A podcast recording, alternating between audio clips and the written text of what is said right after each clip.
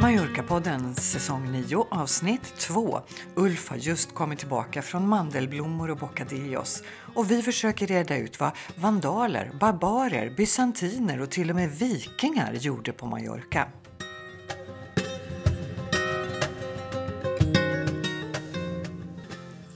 Ulf, är det verkligen så att mandelträden blommar just nu? Jo, men du, det kan jag faktiskt tala om att så är det. Det blommar som bara den.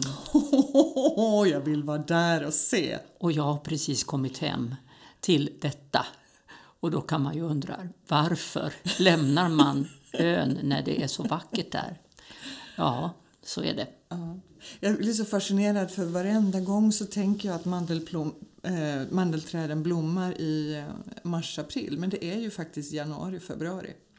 Så är det kanske. Jag har ju inte varit där egentligen vid den här tiden förut men det blom, började blomma redan eh, strax efter jul i alla fall, det vi såg när vi var ute och cyklade. Det ser lite olika ut, olika delar på hur träden växer. Om det är mm. skyddat och varmt, va, då har det exploderat på de ställena. Ah, så vackert. Mm. Nu är det ju bara det att många utav mandelodlingarna har ju gjorts om till vinodlingar så att det är ju säkert inte lika mycket som det var förr. Men i de områdena det har farit runt, där har det funnits en hel del blomning. Ah, mysigt. Och du var nere och firade nyår, eller hur?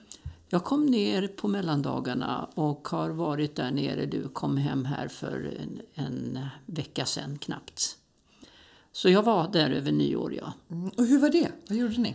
Ja, vi bor ju i vår lilla by och eh, vi for iväg bort till Alcampo och handlade käk och sen var vi ett gäng som firade nyår. Och eh, åt god mat förstås sådär mm. och hade lite musikquiz och så vidare för oss. Mm. Och sen så just vid tolvslaget då stod vi på ett hustak i lilla Alarå och det var faktiskt rätt mycket fyrverkerier. Ja, det var det? Mm. Mm. Så det var jättetrevligt. Åt du vindruvor? Ja, nu var det bara det att vindruvorna vi hade köpt tog slut. Vi var åtta personer, så vi tog dem i halvor. Vi delade i små halvor där. Jag firade ju nyår på Öland, men vi hade vindruvor också. Det var bara det att vi hade våra i kylen. Och så tog jag ut dem strax innan och delade upp 12 stycken druvor i varje glas och gav till var och en och det var så festligt och fint och vi stod ute och tittade på fyrverkerier. Så var vindruvorna så iskalla så jag höll på att få brain freeze. Jo då. Nej, men det var en väldigt trevlig nyårsafton. Det var det verkligen. Mm.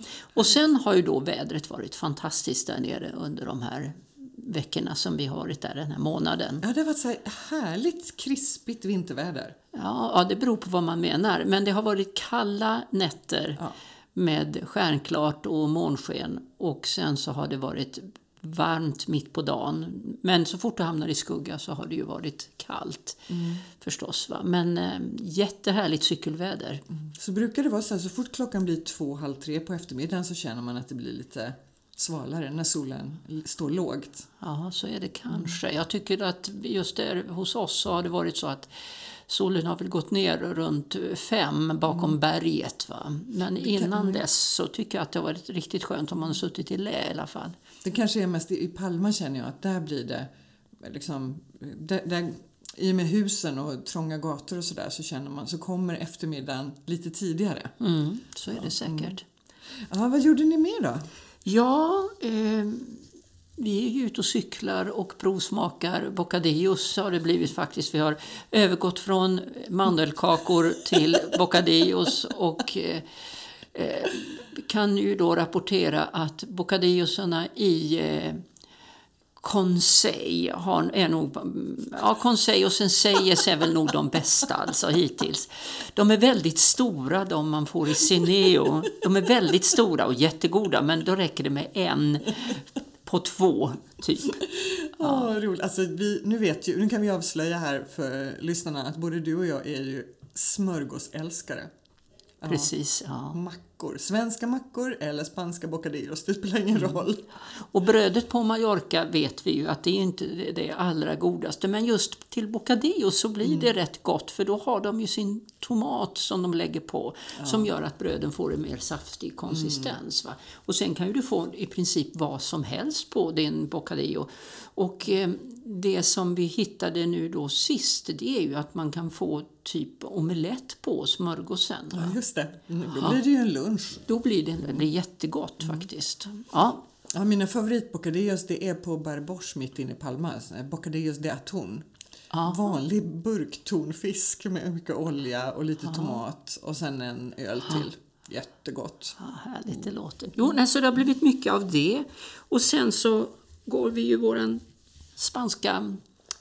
Eh, vi får vår spanska klass också. Två gånger i veckan har vi en, en tjej ifrån eh, byn som kommer hem till oss och undervisar Två gånger oss. i veckan, det är ambitiöst. Ja, och eh, hon ger oss läxor och nu när vi är i Sverige så kör vi det över Zoom då förstås. Gör ni, gör ni era läxor? Ja, man kan inte sitta där och skämmas. Nej, Alltså. eller hur säger den gamla skolläraren? Ja, liksom. precis. Nej, det är jätteroligt. Jätteroligt, verkligen. Ja, Ja, hon verkar ju otroligt härlig och påhittig och gör det roligt. verkligen. Så att det har blivit mycket pluggande, spanska verb och eh, Och nu var det ser och estar. ja, bland annat då. Och aji och aki och ai och allt det här, du vet va. Nej, det är jättesvårt, men roligt. Men Och svårt. viktigt. Ja. Framförallt är det viktigt. Om man nu vill liksom utöka sitt liv på något sätt så är det viktigt att man lär sig språket. Alltså jag tycker det också. Det är väldigt olika, men jag känner att då är man mycket, mycket närmare mål. Ett Jag kan ju tänka mig också i en mindre ort som Alarå då, va, med 6000 invånare. Där är det kanske ännu viktigare. För du, du möter ju folk som bara pratar spanska eller marockin där på ett annat sätt. Va? Och då vill man ju av respekt kunna prata med dem på deras språk. Jag håller med dig, absolut. Mm. Och hur är det annars då på, på ön? Sådär? Vad kände ni? Vad var det för vibbar? Var det bara jättetråkigt, eh, corona, lugnt och stilla eller hände det något? Det var väldigt lugnt och stilla. Eh, man märker ju det när man kommer till de små byarna ute på landet så är det ju väldigt tyst och stilla. Men det är kanske mer januari, tyst? Ja, så skulle jag tro. Jag var ju inte inne i Palma så många gånger och då kände man ju trots allt att det var ju lite mer liv där. Men det blev lite mer eh, stadsliv, inte turistliv riktigt utan det är mer hasta till bussen och skynda sig till eh, tåget och den där känslan. Va? En vanlig vardag helt enkelt. Vanlig vardagslunk, ja. Precis. Men jag gillar det också. Ja, och vara en del av det, ja. Precis. Det är härligt. Du, eh, vi pratade om, om eh, då, eh, skollärare sa du där va? och idag är det ju lite skola. Ja, idag är det ett historieavsnitt. Men stäng inte av nu, sluta inte lyssna nu här. Utan det här blir smaskiga, eh, smaskig historieinformation. Precis, och vi försöker ju ha lite kontraster på de här avsnitten. Och Du och Helena är ju lite festprissar, medan jag gärna sitter med mina historieböcker. Och vi hoppas ju att våra lyssnare uppskattar det. Ja. Ja. Och förra, jag tror att det här är fjärde eller femte historieavsnittet vi kör. Och förra gången så slutade du och jag med, att, med romarrikets fall. Precis, och det följer någon gång där i början på det här, ja, i vår tideräkning, 2, 3, 400 år. Va? 400-talet. Ja, just det. Ja. Och då blev det ju ett, ett vakuum i Europa på något sätt. Va? Romarna de hade ju lagt under sig Europa de la under sig de här olika stammarna som fanns och så integrerades ju de i det romerska samhället.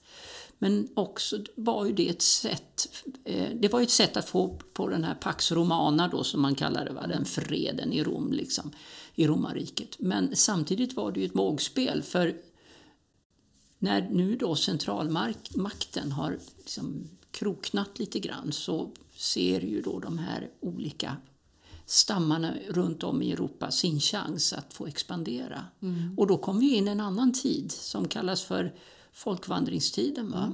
Och jag skrev till dig när vi hade lite eh, snack innan här om att eh, det kallas för den yngre medeltiden. Och då reagerade du direkt. Och varför?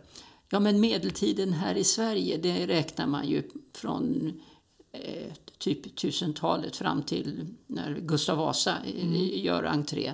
Så under 500 år ungefär. Va? Mm. Men i södra Europa så ligger ju inte medeltiden där riktigt utan den ligger lite tidigare mm. än hos oss. Och då räknar vi ungefär mellan 500 och år 1000 efter Kristus. Precis. Grovt räknat. Just den det. tidiga medeltida perioden av västeuropeisk historia. För ja. att liksom vara lite noggrann och beskriva det. Mm. Och Rom har ju gått under, men det är ju faktiskt så att Rom då när det gick under delades ju upp i två delar. Mm. Västrom och Östrom. Ja, och Östrom bestod ju efter det att Västrom hade gått under kan man ju säga. Va? Och det riket kallades ju för Bysans istället. Ja, precis. Det bysantinska riket. Ja. Och det kan man ju fundera på, det hör man ju väldigt ofta. Då är det kanske inte helt naturligt att göra den kopplingen, men det är det forna Östromerska riket. Mm, och det hänger ihop med huvudstaden då som heter Bysans, eller Istanbul då, idag. Mm. Och när vi pratar om den här vandringstiden som du säger, vad var det för några som vandrade? Ja, det är ju olika folk och det är ju höljt i rätt så stort dunkel mm. var de kom ifrån och vilka de var och sånt här. Men man tror väl att de utvandrar framför allt ifrån ja, Tyskland, Polen. Det finns en del historier om att de ska komma från södra Sverige. Mm. I Värnamo finns det ju väl, tror jag, till och med något museum som man påstår då eh, ska visa varifrån en av de här stora grupperna har sitt ursprung då, va? vandalerna då, ja, vandolorum och vad det nu heter. Det finns inte så starka belägg för det där men ändå kan man ju få låta fantasin spritta ja. iväg lite grann. Va? För vandalerna egentligen är ju ett germanskt folk som hade sin storhetstid 400-530 efter eh, Kristus. Mm. Men det var väl också så att det här vandringsfolket eh, kallades för barbarer? Ja, just det. Mm. Och vad jag förstår så var det grekerna som kallade eh, det här folket lite nedlåtande för barbarer. Och vi använder ju det lite nedlåtande fortfarande. Precis som vi använder vandaler som också ett nedlåtande ja. uttryck. Va? Ja. Och man, man, medeltiden, eller den här tiden, kallas ju också för den mörka tiden. Och eh, Det av två anledningar. Dels för att man vet ganska lite om det, för det var inte så mycket som nedtecknades. Och också för att ja, men det, alltså det syftar på det intellektuella mörkret och barbarin då, som det lite högre stående folket ansåg att eh, det här handlar om. Mm. Mm. Och barbarfolket då, eh, som inte pratade grekiska, det var hunner, goter, vandaler, franker och kanske möjligen mot slutet även lite vikingar då som eh, gav sig in i leken. Mm. Men det var ju precis i slutet på ja, den här tiden, de mm. folkvandringstiden. Men man vet som sagt rätt så lite om det, men man börjar gräva mer och mer i den här historien. Mm. Och man hittar ju mer och mer bevis på hur, på vilket sätt de levde och så. Mm. Och vi ska ju veta det, det man då hittar, ja men vems, vems historia är det? Mm. Eh, vem har skrivit ner det? Eh, för det var ju inte så att de här krigsherrarna som härjade då, de var ju ofta inte skrivkunniga. Eh, så Nej. det är någon annan som har tecknat ner historierna, hörsägen. Precis, det de har fått höra från någon annan som, som har, fått, fått höra. Men du, hur hänger det här ihop med Mallorca? Liksom? Jo, men det gör det därför att när romarriket föll så eh, ja, men det blev ju genast väldigt svag styrning av hela Västeuropa. Och då var det vandalerna som såg sin, sin chans. Och bland annat så var det en omtalad härskare som hette Gund-Erik. Gund-Erik, det låter som han kommer från... Kommer han ifrån Norrland? Är det någon Gunde du pratar om där? Jag Ja, tror att man ska Gunderik. säga Gunderik eller någonting. Men vi levde ju inte på den tiden, varken du eller jag Ina. Och vi vet ju inte Gundrik. Ja. Jag, jag köper det. Ja. Gunderik. Eh, Gunderik och eh, vandalerna intar Mallorca och Balearerna eh, ja, men i början på 400-talet. Och eh, de var duktiga sjömän. Många romerska galärer fångades in så att de kunde utöka sin flotta för att täcka hela Medelhavet. Och eh, det var helt enkelt så att den östromerska kejsaren Zeno, han fick krypa till korset och erkänna att eh, vandalriket eh, fanns och att de härskade över västra Afrika, Balearerna, Korsika, Sardinien och eh, Sicilien. Så de bevakade, så de hade ju full kontroll över vattnet i västra Medelhavet. Men det var inte under så lång tid, va? utan det var väl en relativt kort period Ja, som de ut, utgjorde något hot då mot Östrom. För det var väl för att slippa anfall från de här grupperna som han då ingick någon slags eh, förbund, eller man ska säga, va? med Ja, de här vandalerna. Mm. Jag tror att de vandalerna de vandrade ut från Tyskland eller som sagt var södra Skandinavien och kom så småningom ner till Frankrike och över Pyrenéerna, över Iberiska halvön och till och med ända ner till norra Afrika. Och sen därifrån så från Kartago typ va, så Ja, exploderade de norrut, expanderade, expand, vad säger man? Expanderade. expanderade de norrut. Jag tror de till och med intog Rom under någon period. Ja, stämmer. Och eh, Gunderik, han fick en son som heter Geiserik. Gud vad vi hoppas. Jag tycker Jaha. det låter lite isländskt. Ja. Ja, vi hoppas att vi uttalade rätt här nu. Eh, och som styrde på Mallorca och använde den ön som bas för att eh, plundra Medelhavet ända bort till Italiens stränder. Då. Och, eh, det sägs att Geiserik eh, föll från en häst som ung. Och då tänker jag underförstått sig en smäll i huvudet. Då. Men hans skicklighet till sjöss kompenserade hans bristande hästfärdigheter. Och han regerade i nästan 50 år faktiskt. Ja, ja. Och det var ju den tiden då som de var på Mallorca. Har de lämnat några spår, de här vandalerna, på Mallorca? Alltså jag har verkligen inte lyckats hitta någonting. Men så sa ju du och jag när vi pratade om romartiden också. Och så en vecka senare så hittade jag en fantastisk utgrävning i, eh, på Len, i, uppe i, På på Lensa, på Jensa, på Alcudia. För man undrar ju om de nu var sjöfarare framför allt. Va? Så har de väl befunnit sig längs eh, stränderna på något sätt. Och frågan är hur mycket de har varit inåt land och sådär. Och om det finns några lämningar kvar efter dem. Men jag, jag bara tänker att de inte var några...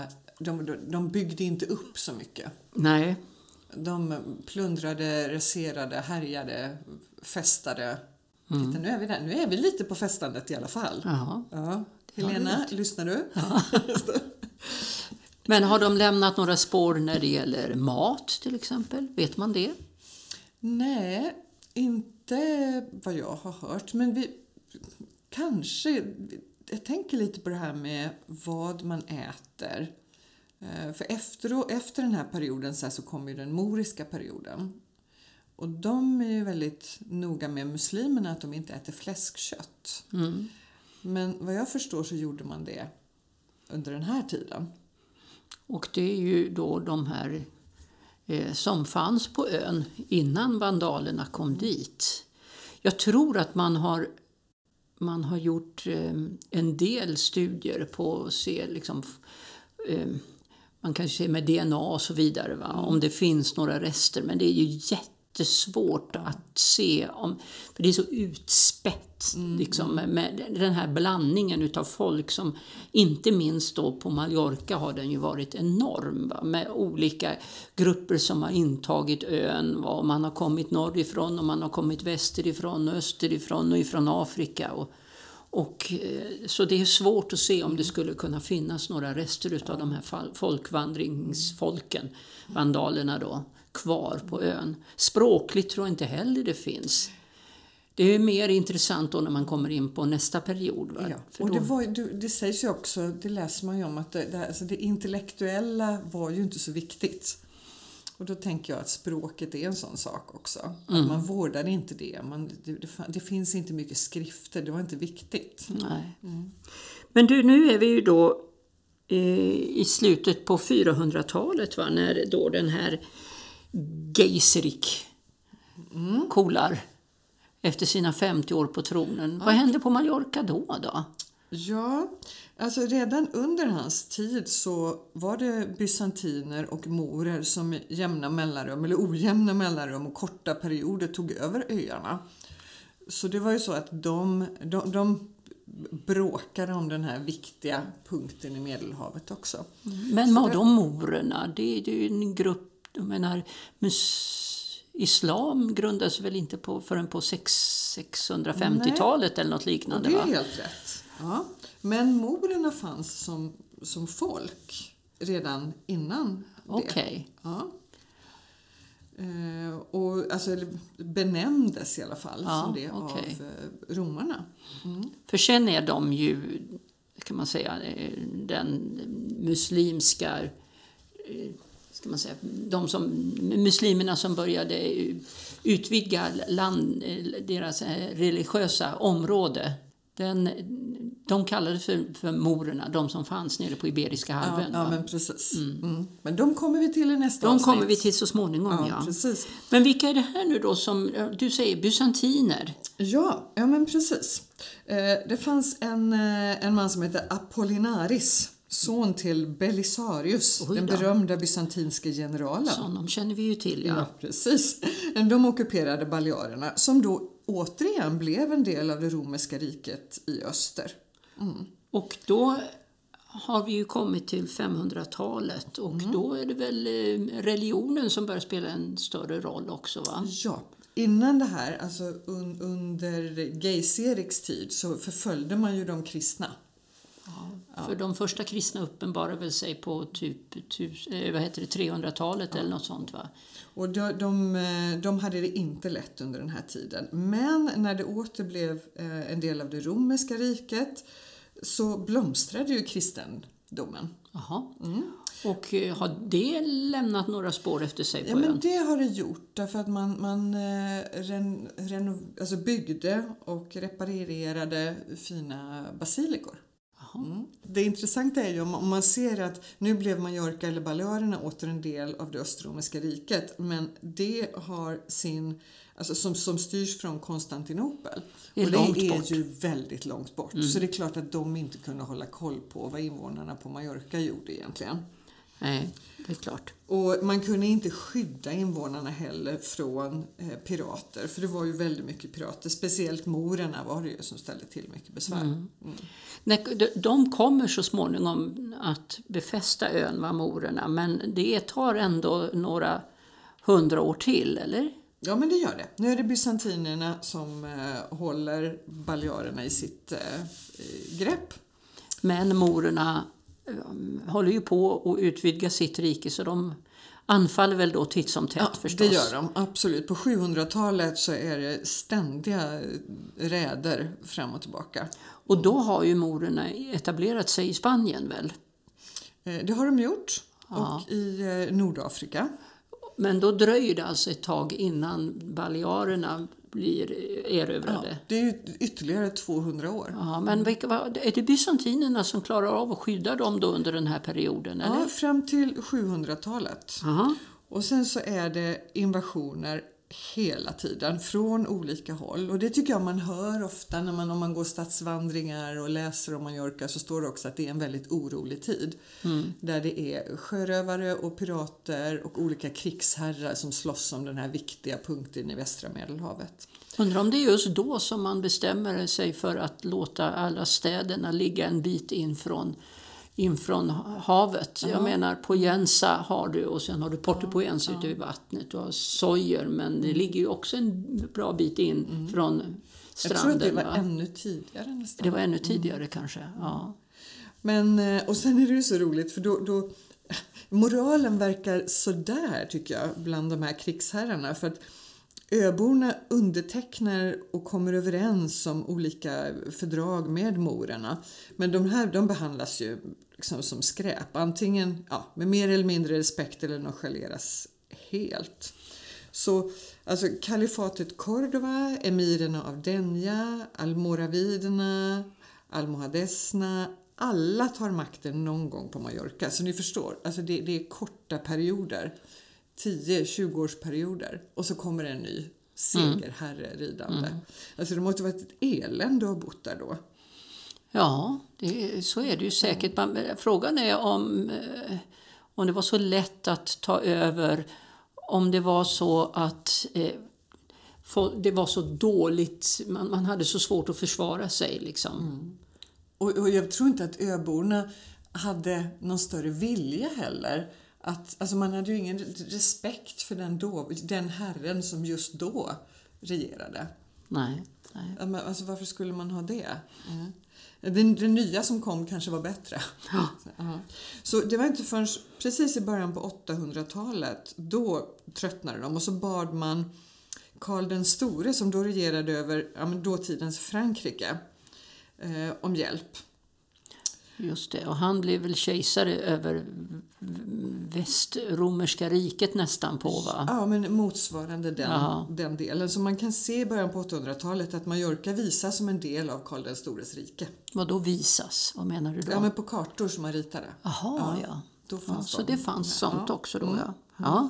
Så då fick man ett visst skydd där då, ja, runt år 800? Ja, fram till ungefär mitten på 800-talet. Och då? Vad pågår ja, då? då? då är det de här emirerna, emiren av Cordova, som skickar en flotta på 300 krigsfartyg vad, vad som står i historieböckerna Aha. för att ta kontroll över eh, öarna. Ja, men det låter ju ändå betryggande att då får de en rejäl militärmakt som kan försvara dem, eller? Ja, och de kommer ju från fastlandet, Cordoba, ja. runt där. Ja. Och det, det riket täckte ja, men nästan en, alltså tre fjärdedelar av hela den Iberiska halvön. Söder, södra och östra kusten och sen Balearerna också. Då. Ja. Mm. Så det tror jag var rätt stabilt. Ja. Ända fram, eh, ja men i slutet på 800-talet så kommer normanderna Nej men så pass. Undrar vad vi har lämnat för spår ja, efter oss. För vi är ju lite normander vi då ja, va? det är ju det. Det här tycker ja. jag blir lite roligt. Aha. Att eh, på 800-900-talet efter Kristus, precis som nu på 2000-talet, så är vi på Balearerna. För normanderna det är ju danska vikingar som etablerade sig i Normandie för att skydda Frankrike mot vikingarnas härjningar kan man säga. Och eh, så småningom då så eh, är det väl Wilhelm Erövraren, han är ju en normandisk mm. kung som intar intar England 1066, det känner man ju till. Men sen att de skulle hamna även i Medelhavet. Jag vet ju faktiskt att de också etablerade sig, eller om de bara härjade på på Sicilien, i, Palm, mm. i vad heter det, Palermo. Ja, mm. Så där finns ju också lämningar från dem. Mm. Jag vet inte om det handlar om någon sån här korsriddartåg eller varför. Jag, vad jag förstår nu, i det här fallet så var det bara egentligen eh, ödeläggelse. Invasion, krig, ödeläggelse okay. av öarna. Ja. Ja. Eh, fram till början på 900-talet när den moriska tiden börjar. Spännande. Och det är nu då vårat lilla historiska eh, epos här tar slut kan man säga då va? Mm, ja. För den här gången egentligen. Yes. Och så fortsätter vi och det ser jag fram emot för den moriska tiden på Mallorca den, den, den har ju satt väldigt eh, stora spår och finns dokumenterad väldigt väl. Ja, det är häftigt. Det får ja. vi läsa på om tills nästa gång då. det återkommer vi om. Ja. Mm. Och är det så att någon av några, våra lyssnare sitter inne med spännande information om den här eh, tiden vi har pratat om nu så får man ju jättegärna höra av sig. Vi tycker det är superkul. För det är lite lurigt att hitta information kring den här tiden, eller hur? det är det. Mm. Mallorca-poddens restaurangspaning. Den här gången vill jag tipsa om La Vieja, en liten kanarisk tapasrestaurang som ligger på Plaza Raimondo, bara några minuters promenad ner från Plaza España. Men det här är så mycket mer än kanariska tapas. Här serverar de spännande, överraskande mat. Det kan vara eh, Eh, kött som är i olika former uppträtt på små pinnar. Det kan vara fisk som hänger i en lina. Det kan vara härliga tallrikar i spännande former och skålar i olika färger i, grovt, eh, i grov keramik. Eh, det är mysigt, avslappnad stämning. Personalen är väldigt serviceinriktad, hjälper dig och guidar dig genom menyn för att du ska veta hur mycket du ska beställa av de olika rätterna. Drinkarna ligger mellan 7 och 10 euro, tapasen mellan eh, 4,50 eh, och den dyraste 21 euro.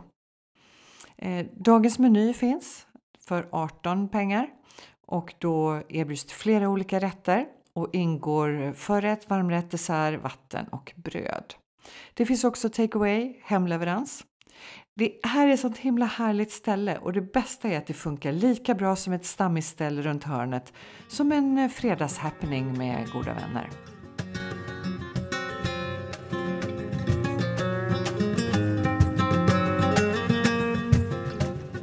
Men du Ulf, vad, vad händer här de närmaste 14 dagarna till eh, nästa poddavsnitt? Ja, jag befinner mig ju i Sverige, ja, så att eh, Det är jag som får hålla ställningarna. nu är det du istället som får den stora förmånen att eh, resa söderut. Ja, redan imorgon, lördag, så eh, åker jag. Fantastiskt. Ja, så det är du jag som kommer ännu en gång tjata om de fantastiska mandelträden. Ja, vad kul. Ja, hoppas det blir en fin januari, februari där nere. Nej, vad blir det? Februari, mars. Precis. Och februari kan ju vara allting ifrån eh, 8-10 grader och hagel till 20 grader och strålande solsken och jättehärligt. Man tycker att det regnade av sig tillräckligt i november. Ja? Folk talar med skräck i ögonen och lite, skäms lite grann när de berättar om hur dåligt väder det var under november månad. Du, vi har ju eh, börjat en ny liten eh, vana. Att vi avslutar varje avsnitt med en eh, spansk låt. Det ska bli kul att få höra den. Den här gången bjuder jag på Sebastián Yatra och en låt som heter Tacones Rojos. Och tacones har man ju lärt sig vad det betyder eftersom man läser spanska. Eller hur? Högklackade skor. Ja, röda sådana.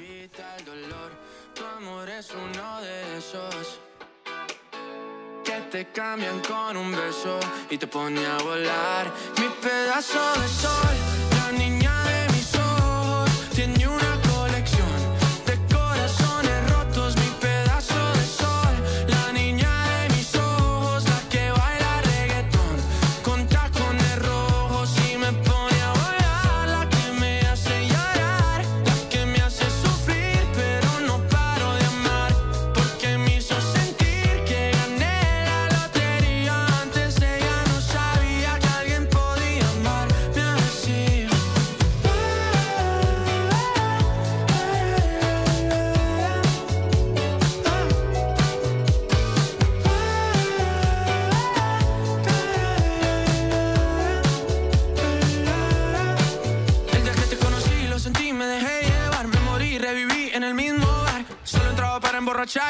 ey, no esperaba enamorarme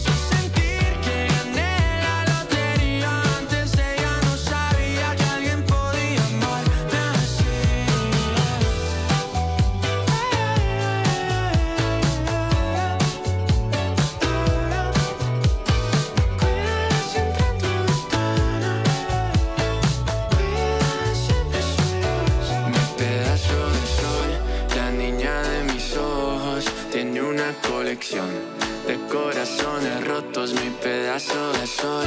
La niña de mis ojos, la que baila reggaetón con tacones rojos